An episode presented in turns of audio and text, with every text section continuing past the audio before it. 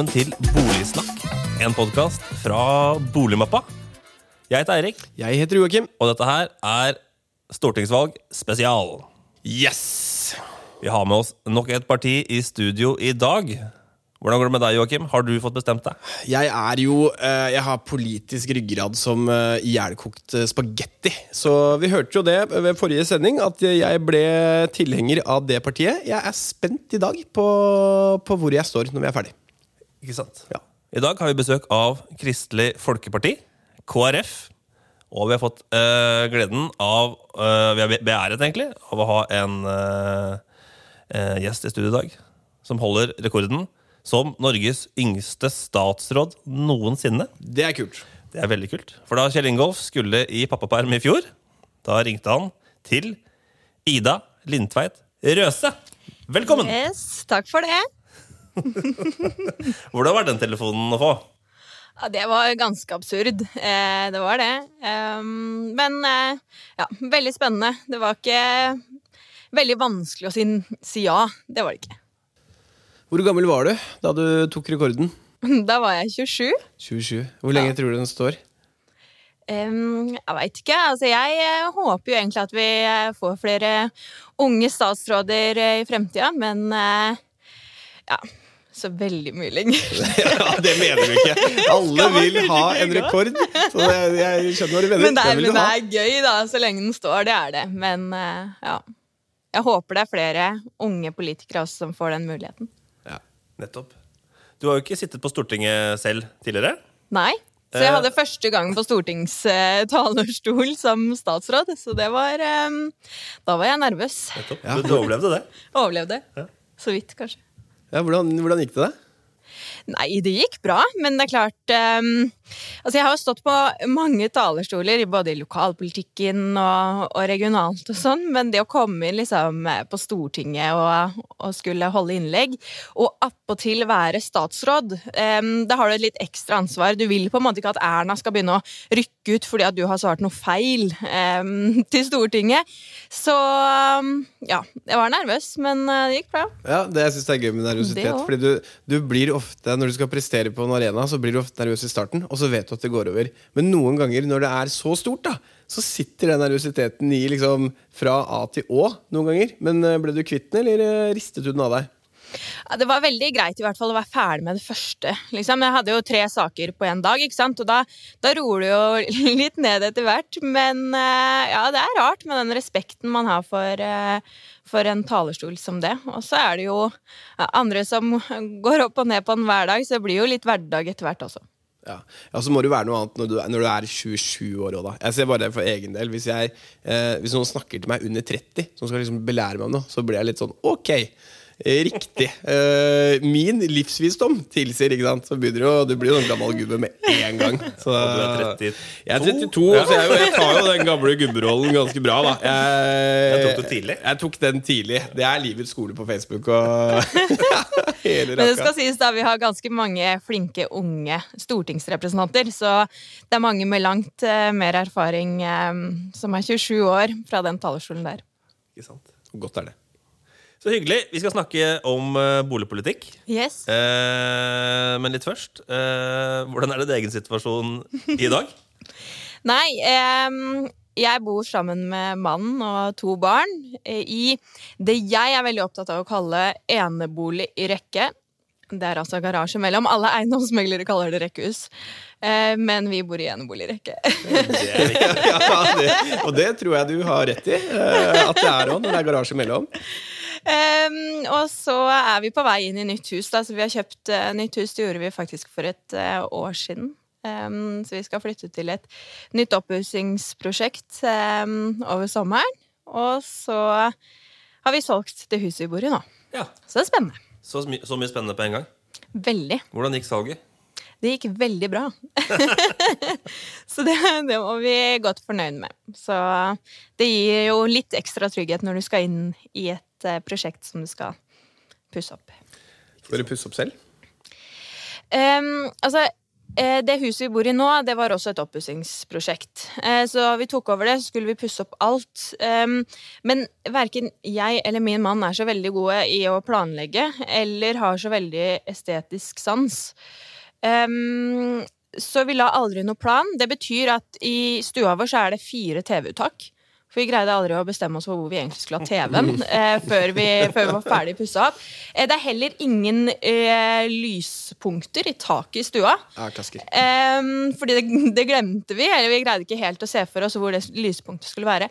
Så eh, for det nye prosjektet så har vi fått eh, litt hjelp i planleggingsfasen. Eller skal ha litt hjelp i planleggingsfasen for å ikke gå på de bommertene som kan gjøre prosjektet litt dyrere. Det skal også sies at det huset vi bor i nå, er jo helt hvitt, for eksempel, fordi at vi aldri greide å bestemme oss for hva slags farge vi skulle ha på veggene. Så vi lærte litt av den oppussingen som vi tar med oss videre. Og det er vanskelig. Jeg husker selv eh, når vi flyttet inn i vårt eh, nye hus, så skulle vi det med lyspunkter. For så skulle vi velge downlights. Og så tenker jeg ja, downlights må vi ha. Og så fikk vi prisen per downlight. Og bare, ok, vi skal ikke ha så mye downlights Og så kuttet vi ganske bra ned på downlightsene. Flytta inn. Og så første kvelden når det ble mørkt, så satt vi der og bare Ok, vi ser jo ingenting i trappeoppgang. Vi ser ikke noen ting liksom, over etasjen. Vi har ingen lyspunkter. Uh, vi må ringe elektrikeren. Så det høres fornuftig ut. Ja, det er i hvert fall viktig å ha en slags plan for hvordan det skal eh, se ut, og ikke begynne å rive vegger og begynne på prosjekter før du har en eh, klar tanke om, eh, om hvordan det skal være.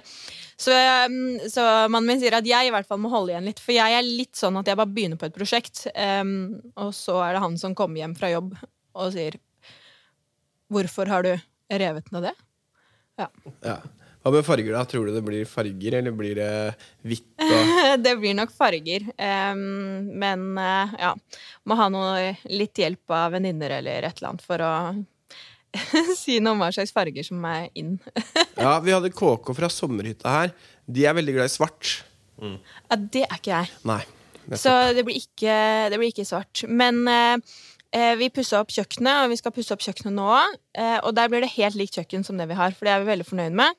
Eh, og måten vi fant det kjøkkenet, var at vi gikk inn i denne kjøkkenbutikken, og så så vi litt rundt på modellen, og så sa vi til han fyren at ja, vi skal ha det første kjøkkenet som er i utstillingsmodellen. så akkurat det kjøkkenet vi endte opp med. Men det er vi veldig fornøyd med, da, så det blir omtrent likt kjøkken, tror jeg. Nytt hus. Og folk i sånn digital hverdag tenker er det noe bevits i å ha utstilling lenger. Ja, det er det. Ja, ja, du røyker rett på. Først. Men jeg tror det du var inne på i stad, Ida, det med å bruke for litt hjelp Det å bruke gode fagfolk på sånne ting tror jeg kan mange ha mye å tjene. Eh, I Boligmappa samarbeider vi mye med en tjeneste som heter Arkivet.co, som er en sånn der eh, plattform for interiørarkitekter. Eh, som hjelper jo folk med store og små prosjekter hele tida. Uh, og det folk uh, Det får to tilbakemeldinger. Det ene er 'Å, var det så billig?' Og det andre er 'Å, shit, så bra. Det hadde jeg aldri funnet på sjøl'. Så jeg tror uh, det kan sikkert mange ha god nytte av. Og det å finne praktiske løsninger ja. som vi ikke har peiling på. Så ja. Det, det håper jeg blir bra. Nei, men Så spennende. Jeg tenker at vi må snakke med deg om et år for å høre åssen det her har gått. Ja, ja. to små barn, travel jobb, pusse opp. Du, nå er jo podkast eh, audioformat, men du får prøve å liksom ta oss gjennom det eh, via lyd om et år. Hvordan det er blitt. jeg skal prøve på det. Så bra. Skal vi snakke politikk? Yes. Du nevnte jo innledningsvis at du har nylig har solgt, og det gikk kjempebra. Uh, alle her i Oslo uh, østlandsområdet uh, som har eid og solgt siste årene, har jo uh, merka at markedet det går bra. Mm. Hva tenker KrF om det? Den ville prisveksten som har vært? Det er jo helt vilt. Um, og det er jeg mener at det er ikke bra heller, fordi at eh, det gjør en jo ekstra nervøs. Spesielt i kjøp-salg-sammenheng. Uh, men også det at uh, det å komme inn på boligmarkedet tidlig har utrolig mye å si. Um, for min egen del så var jeg heldig og, og gjorde det. Um, og det gjør at jeg står i en helt annen situasjon enn mange av mine venner som ikke har hatt mulighet. Um, så den prisveksten er ikke bra fordi at det skaper et veldig stort skille mellom de som er inne i boligmarkedet, og de som er uh, utenfor. Ja, ikke sant. Uh, så KrF uh, mener at den prisveksten som er nå, er usunn? Jeg mener at den prisveksten som er, er usunn, men det er jo alltid en balanse mellom tilbud og etterspørsel. Og som politikere så må vi prøve å gjøre noe med den prisveksten som er. Noe av det som er utfordringen, er at der politikere kan stramme inn, det er jo f.eks. Eh, krav til låntakere som jo kan redusere noe på, på, presset. Det det fører til, og det det har eh, ført med seg, er jo at eh, de som har behov for å komme inn på boligmarkedet, ikke får det fordi at det stilles for strenge krav. Eh, sånn at ja, det kan dra ned prisveksten litt, men det hjelper ikke nødvendigvis nye inn på boligmarkedet. Eh, Boliglånsforskriften mm. ja, den krever vel 15% egenkapital, ja. gjør den ikke det? Og så er det jo justert litt på den, da. Eh, og det tror jeg er veldig viktig, sånn at unge som kanskje ikke har opparbeidet seg den egenkapitalen, men har jobb, fast inntekt, mulighet til å betale lånene, likevel eh, kan eh, ta opp lån. Og også at det er så stor forskjell mellom f.eks. For de som kan få sikkerhet gjennom foreldre, og, og ikke. Um, men igjen så kommer vi til at det må bygges flere boliger. Eh, det er det som eh, er en, en viktig løsning, fordi at eh, når det er mer etterspørsel enn det det er tilbud av boliger, så vil prisen presses oppover. Hvordan skal vi bygge mer bolig i storbyene? Det er ganske fullt. Ja, det er det. og en annen nøkkel er jo også infrastruktur. og bedre infrastrukturen ikke bare i byene, men også rundt byene, sånn at det faktisk er aktuelt for folk å bo ikke midt i byen, men også litt utenfor, at det går fint. At man har en god infrastruktur ut. Eh, og det er vi jo eh, godt i gang med også. Det er mange ulike prosjekter rundt Oslo, og det er også infrastrukturprosjekter i andre byer. men for KrF så har det vært viktig å si at i byene og i pressområdene så må vi bygge flere boliger. både for å ha eh, flere Eller høyere tilbud av, av, boliger, men også fordi at det er det mest miljøvennlige. Eh, at folk eh, bor eh, rundt eh, kollektivknutepunkter. At vi bygger sånn at man kan gå eller sykle til jobb, til butikk. og at det er den måten vi skal bygge på i pressområdene. Og også selvsagt, da. Eh, dette er jo ikke bare et snakk om eh, boligbygging sentralt, men at det også er mulig å bygge eh, boliger i distriktene. Ehm, og at det Det er jo like dyrt å bygge et hus mm. i et pressområde som i distriktene, men det er ikke på langt nær like høy prisvekst. Sånn at det er viktig å ha gode ordninger som gjør og stimulerer til at man faktisk kan bygge hus også i distriktene. Ikke sant. Så vi inne på dette med miljø. Eh, og I 2014 så fremma KrF et uh, forslag på Stortinget mm. om miljøvennlig boligpolitikk. Mm. Hva betyr det? Ja, det betyr jo at vi må bygge boliger og boligområder som for det første er gode for folk å, å bo i, men hvor også det er kort avstand. Eh, til nærbutikk, til kollektivtrafikk, til barnehage. Som gjør at primært så kan man eh, bo, leve eh, i et område uten at eh, man trenger å bruke bil, f.eks. Um, og så har jeg som lokalpolitiker også sett utfordringer med det. Fordi at um, når du Jeg har vært lokalpolitiker i en kommune litt utenfor Oslo, da. Uh, og da ønsker man gjerne å, å bygge ut liksom flere steder av kommunen, men får uh, ganske strenge krav til at det stedet man primært skal bygge ut, det er ved toglinja. Eh, men i et klima- og miljøperspektiv så er det den helt riktige måten å bygge på. Vi må begynne der, og så kan man bevege seg utover. Hm. Uh, uh, vi har snakket om, om, å bygge mer uh, som et tiltak for å bremse prisveksten i, i trykkområder, sånn som i Oslo, Bergen og Trondheim. men hva med skatt? Det er jo i dag veldig gunstig å kjøpe én, to, tre eller flere leiligheter i Oslo, leie ut, eh, tjene både på leieinntekter, tjene på prisveksten. Eh, er det for gunstig i dag? Det jeg tenker er veldig viktig, er at vi bevarer selveiermodellen. Det skal um, være mulig å kjøpe sin egen bolig, og det skal lønne seg å eie egen bolig. For det er noe som er veldig vellykket med den norske modellen. Og sånn må det fortsette å være. Men KrF er jo en av de partiene som har virkelig tatt til orde for å eh, gjøre om på skattleggingen f.eks. av sekundærbolig.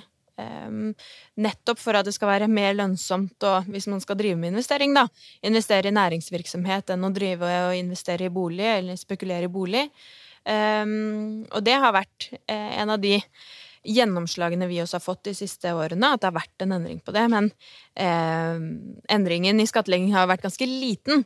Men fortsatt, det var et stort skille. Eh, for det var eh, få som eh, turte å gå inn på å skulle gjøre noe med, med skattleggingen av sekundærbolig. Ja, Ikke sant? Det er lett å si det, men det er veldig mye vanskeligere som politikere å, å gjøre noe med det. da. Og fradraget, for eksempel.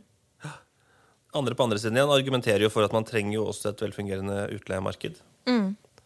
Og ja, men det er for vanskelig med sekundærboliger, så kan man det også begrense eh, antall utleieboliger da, Mm. i pressområder. Ja, det er klart at eh, eh, det er en faktor, men jeg tror ikke at vi er der i dag. Eh, jeg tror eh, det er et større problem i dag at eh, bolig er et så bra sted å putte pengene sine, fordi at man er garantert en vekst på det. At man velger å investere der istedenfor å investere f.eks. i næringsvirksomhet. Da. Um, og at det er en større utfordring. Um, så er jo KrF også interessert i å se på hvordan er det vi kan utvikle utleiemarkedet også. Uh, både uh, ved modeller som leie før eie, Mm. som jo er en kjempeviktig måte å få flere inn på boligmarkedet ved. Eh, og også en eh, tredje eh, boligsektor ved sterke insentiver til å få kjøpt og leie ut på en litt annen måte enn til markedspris. For å få vanskeligstilte inn på boligmarkedet. Det er spennende. Denne tredje boligsektoren er som man hører om i dine kronikker her og sånn. Er litt bøss som den. Det er litt buzz mm. den. Kan ikke du fortelle litt mer om det, Ida? Hva er det det går ut på? Det handler jo om eh, å gi eh, lån eh, og gode vilkår til ideelle eller andre som ønsker å kjøpe eh, boliger for å leie ut, men med også eh, et tydelig premiss om at man må eh, leie ut på en annen måte enn gjennom markedspris. Og på den måten sikre at de som ikke har mulighet til å komme inn på boligmarkedet eller kunne betale markedspris for å leie, også har mulighet til å, å bo. Um, og uh, i dag så har det jo vært litt sånn Enten så har du kjøpt eh, egen leilighet og vært så heldig å, å få lov til det, eller så er du eh, plassert i utleiernes hender. Em, og det å ha en tredje boligsektor og utleiere som faktisk tar et eh, sosialt og fellesskapsansvar, eh, og sikre at ikke bare det er pris som er det avgjørende for eh, utleie, det vil være helt sentralt fremover. Nettopp. Det høres jo veldig fornuftig ut. Hva syns du om utleiemarkedet akkurat i dag, da? Jeg har jo eh, vært i det markedet selv jeg var student. Nå er jo det en, en stund siden, da. Eh, men eh, det er jo en kjempeutfordring at, man, at det er veldig gunstig. At det er få eh, leiligheter å, å leie, og at eh, eh, som leietaker så er man helt avhengig av utleier. Og, og den prisen de setter. Og, de kan nesten sette hvilken som pris som helst i Oslo-området. Altså Studenter som ikke får studentboliger, f.eks. i Oslo, må jo betale veldig høye summer for å leie privat. Ehm, og Derfor er det også viktig å bygge flere studentboliger, fordi at det tar ned noe av presset. Uh, derfor er det viktig at kommunen har kommunale leiligheter, fordi at det vil ta ned en del av presset også på utleiemarkedet. Så er det klart at det er ikke alle som uh, har lyst til å leie sin egen bolig, og det er også greit. Um, det er ikke sånn at alle på på dødelig skal leie egen bolig hvis man heller ønsker å, å leie. Men eh, markedssituasjonen sånn som den er i dag, eh, er jo veldig på utleiernes premisser. Mm, ikke sant? Du har jo sånn den Instagram-kontoen 'En jævla drittleilighet'. Den type ja. ikke sant? opprør som nå kommer. da Hvor folk som altså, kjøper en 100 kvadrats leilighet og setter igjen fem nye skillevegger og har plutselig sju rom. Eh, Bra butikk, det. Det, ja. Og mye som ikke er lovlig. ja, Akkurat det. Veldig mye som ikke er lovlig, og eh, studenter som flytter til en helt ny by, eh, ikke har noe nettverk rundt seg og er helt eh, avhengig av å bare komme inn et sted, sånn at man aksepterer det, da. Eh, og så vet man ikke helt hvor man skal gå, eller eh, hva som er lov eller ikke. Em, så eh, det er mye grums som uh, ikke uh, skal aksepteres. Og det er viktig også den informasjonsdelingen da, på Instagram eller i media eller andre steder, sånn at um, ungdommer som uh, blir møtt på den måten, også får vite at det er ikke greit, og det er ikke lov heller. Apropos unge på boligmarkedet. Mm. BSU. Ja, Hva mener KrF om det? Der har jeg eh, gjennom min tid da, i, i KrFU også vært med på å presse KrF litt. Ehm, For um, opprinnelig så har BSU-ordningen vært en ordning som egentlig ingen partier har uh, tatt tak i i det hele tatt. Um, det var jo en periode hvor man utvidet maksbeløpet en del, med argumentasjonen at det går ikke an å kjøpe en leilighet med egenkapital på 100 000, så da må vi øke BSU-en til 200 000, eller 300 og 350 000 osv. Um, noe av det som har vært den største problemet med BSU-ordningen, slik jeg ser det, har vært at man har kunnet fortsette å spare selv om man har kjøpt seg bolig. Da jeg kjøpte min første bolig, så fikk jo jeg som råd fra banken du må ikke finne på å ta den BSU-kontoen, for du kan jo spare i den og få skattefradrag i mange år fremover. Og det er et eh, kjempeproblem, som nå eh, er eh, endret på gjennom det nye regelverket. Og det syns jeg er en eh, veldig god endring fra regjeringen, eh, som jeg ivret for i mange år. Opprinnelig så sa jeg egentlig at man kunne bare legge ned hele BSU-ordningen, fordi at jeg mente egentlig at det var kanskje noen av de som trengte minst, som fikk lov til å spare i BSU. Men på den andre siden så mener jeg faktisk at det er et viktig sparetiltak. Eh, og det at mange ungdommer har BSU og faktisk putter pengene sine på BSU-kontoen, ikke kan ta det ut igjen, det tror jeg har hjulpet veldig mange. Eh, meg selv inkludert. Eh, så, så det at vi fikk den nye regelen om eh, at ikke man kan fortsette å, å få skattefradrag når man har kjøpt sin første bolig, eh, det har løst mye av det jeg har sett på som den store utfordringen med BSU. Eh, og så mener jeg kanskje også at 33 som vel er grensa. Eh, boligsparing for ungdom. Jeg veit ikke helt. Eh, jeg skulle nå, nå, Vær forsiktig nå. Vær veldig Ja, for nå forsiktig nå. hadde, hadde KrF deg på kroken. Ja, nå hadde du deg på kroken, og nå hører jeg min alder. Eh, Det kom noe skyts mot den. Nå er jeg spent. Men har ikke du bolig? Jeg har bolig. Nummer to eller tre? Ikke? Sant? Ja, akkurat forrige, Vår forrige gjest som representerte SV, tok meg jo på det her når jeg skulle gå hardt ut mot, eh, mot BSU. Nei, så, så jeg tenker at man kan stille seg det spørsmålet om man kanskje skulle redusert litt på alderen. Men eh, ok, når man i hvert fall har fått til den endringen eh, på at man ikke kan fortsette å få det skattefradraget etter man har kjøpt seg egen bolig, eh, så er jeg ikke så opptatt av den alderen. fordi at ok, hvis man ikke har kjøpt bolig og er eh, 30 eller 31, så eh, mener jeg at man fortsatt skal ha et godt insentiv for å spare. Eh, Så da ser jeg ikke på det som en stor utfordring. Um, Er det sånn med den nye regelen at man kun kan bruke det til den første boligen man kjøper? ja. Det er første gang du får lov til å bruke de pengene. Nei, altså ikke Eller- første gang man får lov til å bruke de pengene. Eh, så man trenger ikke å cashe ut BSU-kontoen. Eh, men man får ikke det skattefradraget. Og det er jo det jeg har Aha. sett på som den store utfordringen. At eh, eh, de som er inne på boligmarkedet, har vært inne på boligmarkedet i mange år, likevel kan spare i BSU, som da bare vil gå til å betale ned gjelden din på det tidspunktet du er 33, eh, men fortsatt får skattefradrag fra staten. Eh, og det tenker jeg at ikke um, vi skal bruke statlige midler på, og sponse de som allerede er inne på boligmarkedet. Ja, jeg fikk akkurat samme tips eh, som deg av min bank. Eh, de spurte har du råd til å, til å betale den boligen uten å ta hull på BSU-en. Og det hadde vi. Og da bare ja, helt topp. Du får jo masse skattefradrag eh, hvis du får til det. Og nå kan man jo også bruke BSU-kontoen som en del av egenkapitalen din.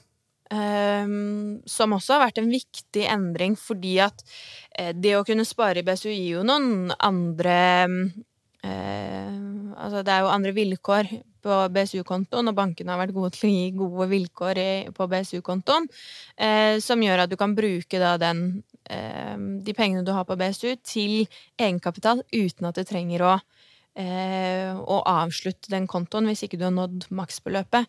Eh, så det tenker jeg var en, en god ting. Eh, for det å ha det insentivet til å spare, også etter man har kjøpt egen bolig, er jo viktig.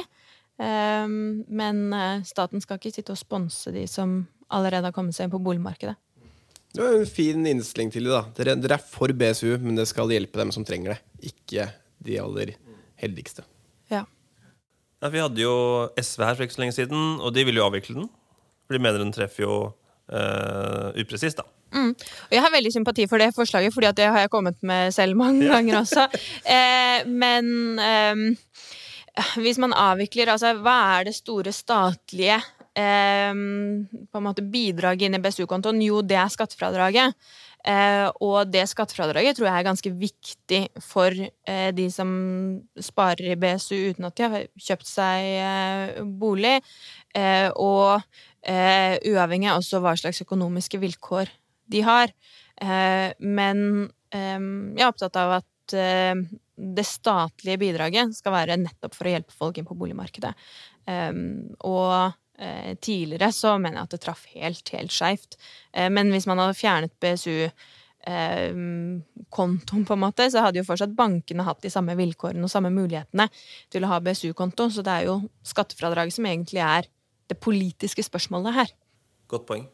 Det ble nylig, eller i fjor, ble den nye avhendingsloven vedtatt. Mm. Eh, som omfatter kjøp og salg av boliger. Eh, for ikke lenge siden så fikk vi vite at den trer faktisk i kraft fra 1. januar. Mm. Har blitt utsatt flere ganger.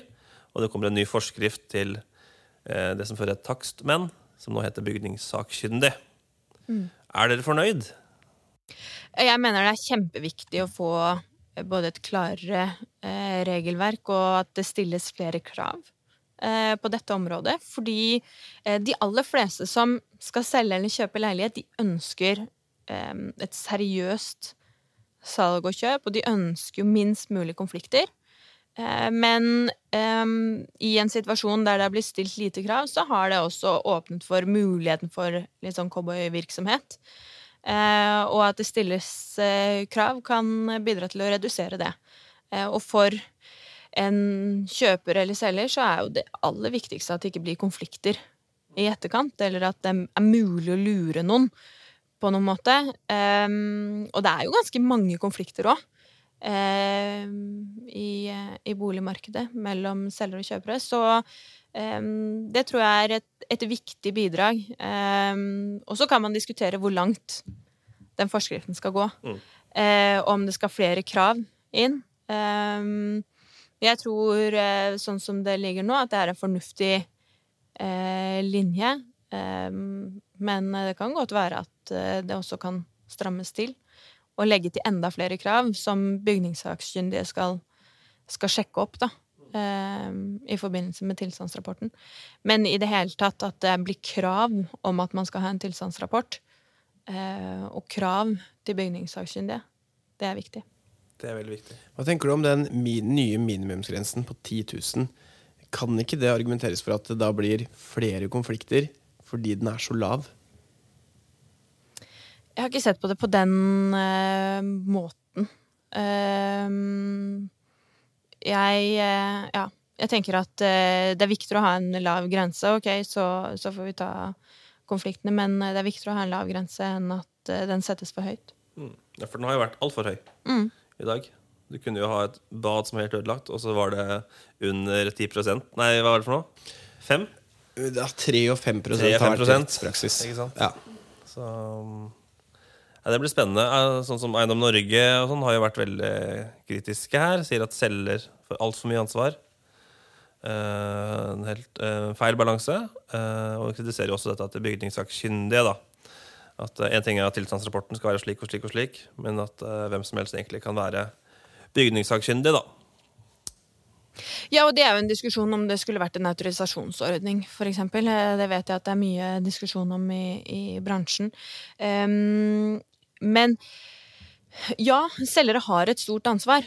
Eh, det er selgere som eh, har gjort eh, jobben, eller fått folk til å gjøre jobben som er, er gjort i huset. Og det er jo ganske absurd, jeg tror de fleste vil tenke det, at du vurderer mer frem og tilbake og, og prøver mer eh, om du skal kjøpe en ny jeans eh, enn når du skal kjøpe en eh, ny bolig.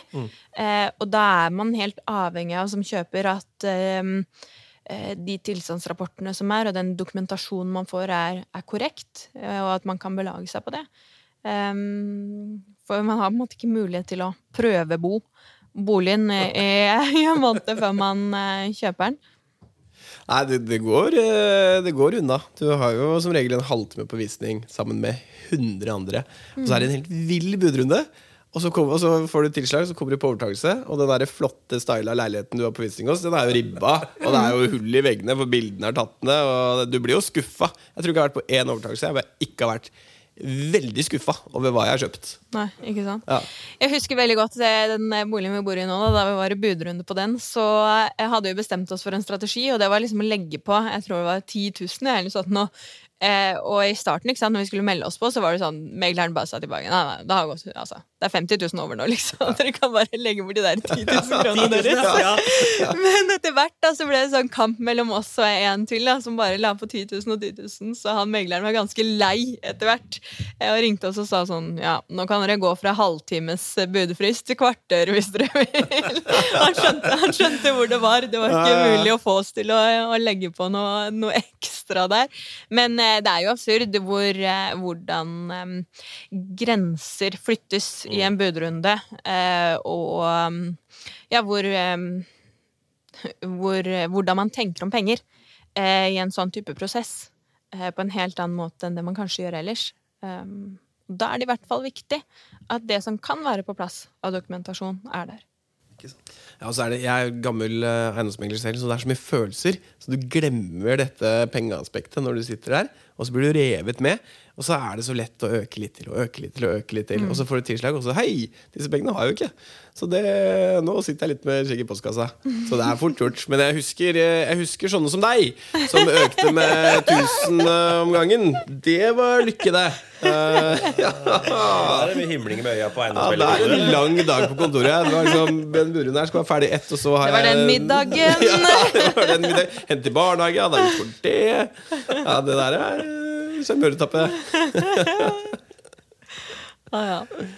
Veldig bra. Vi nærmer oss slutten. Det har vært veldig hyggelig å ha deg her, eh, Ida. Veldig hyggelig å være her. Helt til slutt, hvorfor bør man stemme KrF 13.9.? Stemme KrF fordi eh, KrF trengs i norsk politikk. Et parti som eh, tar kampen for eh, familiene.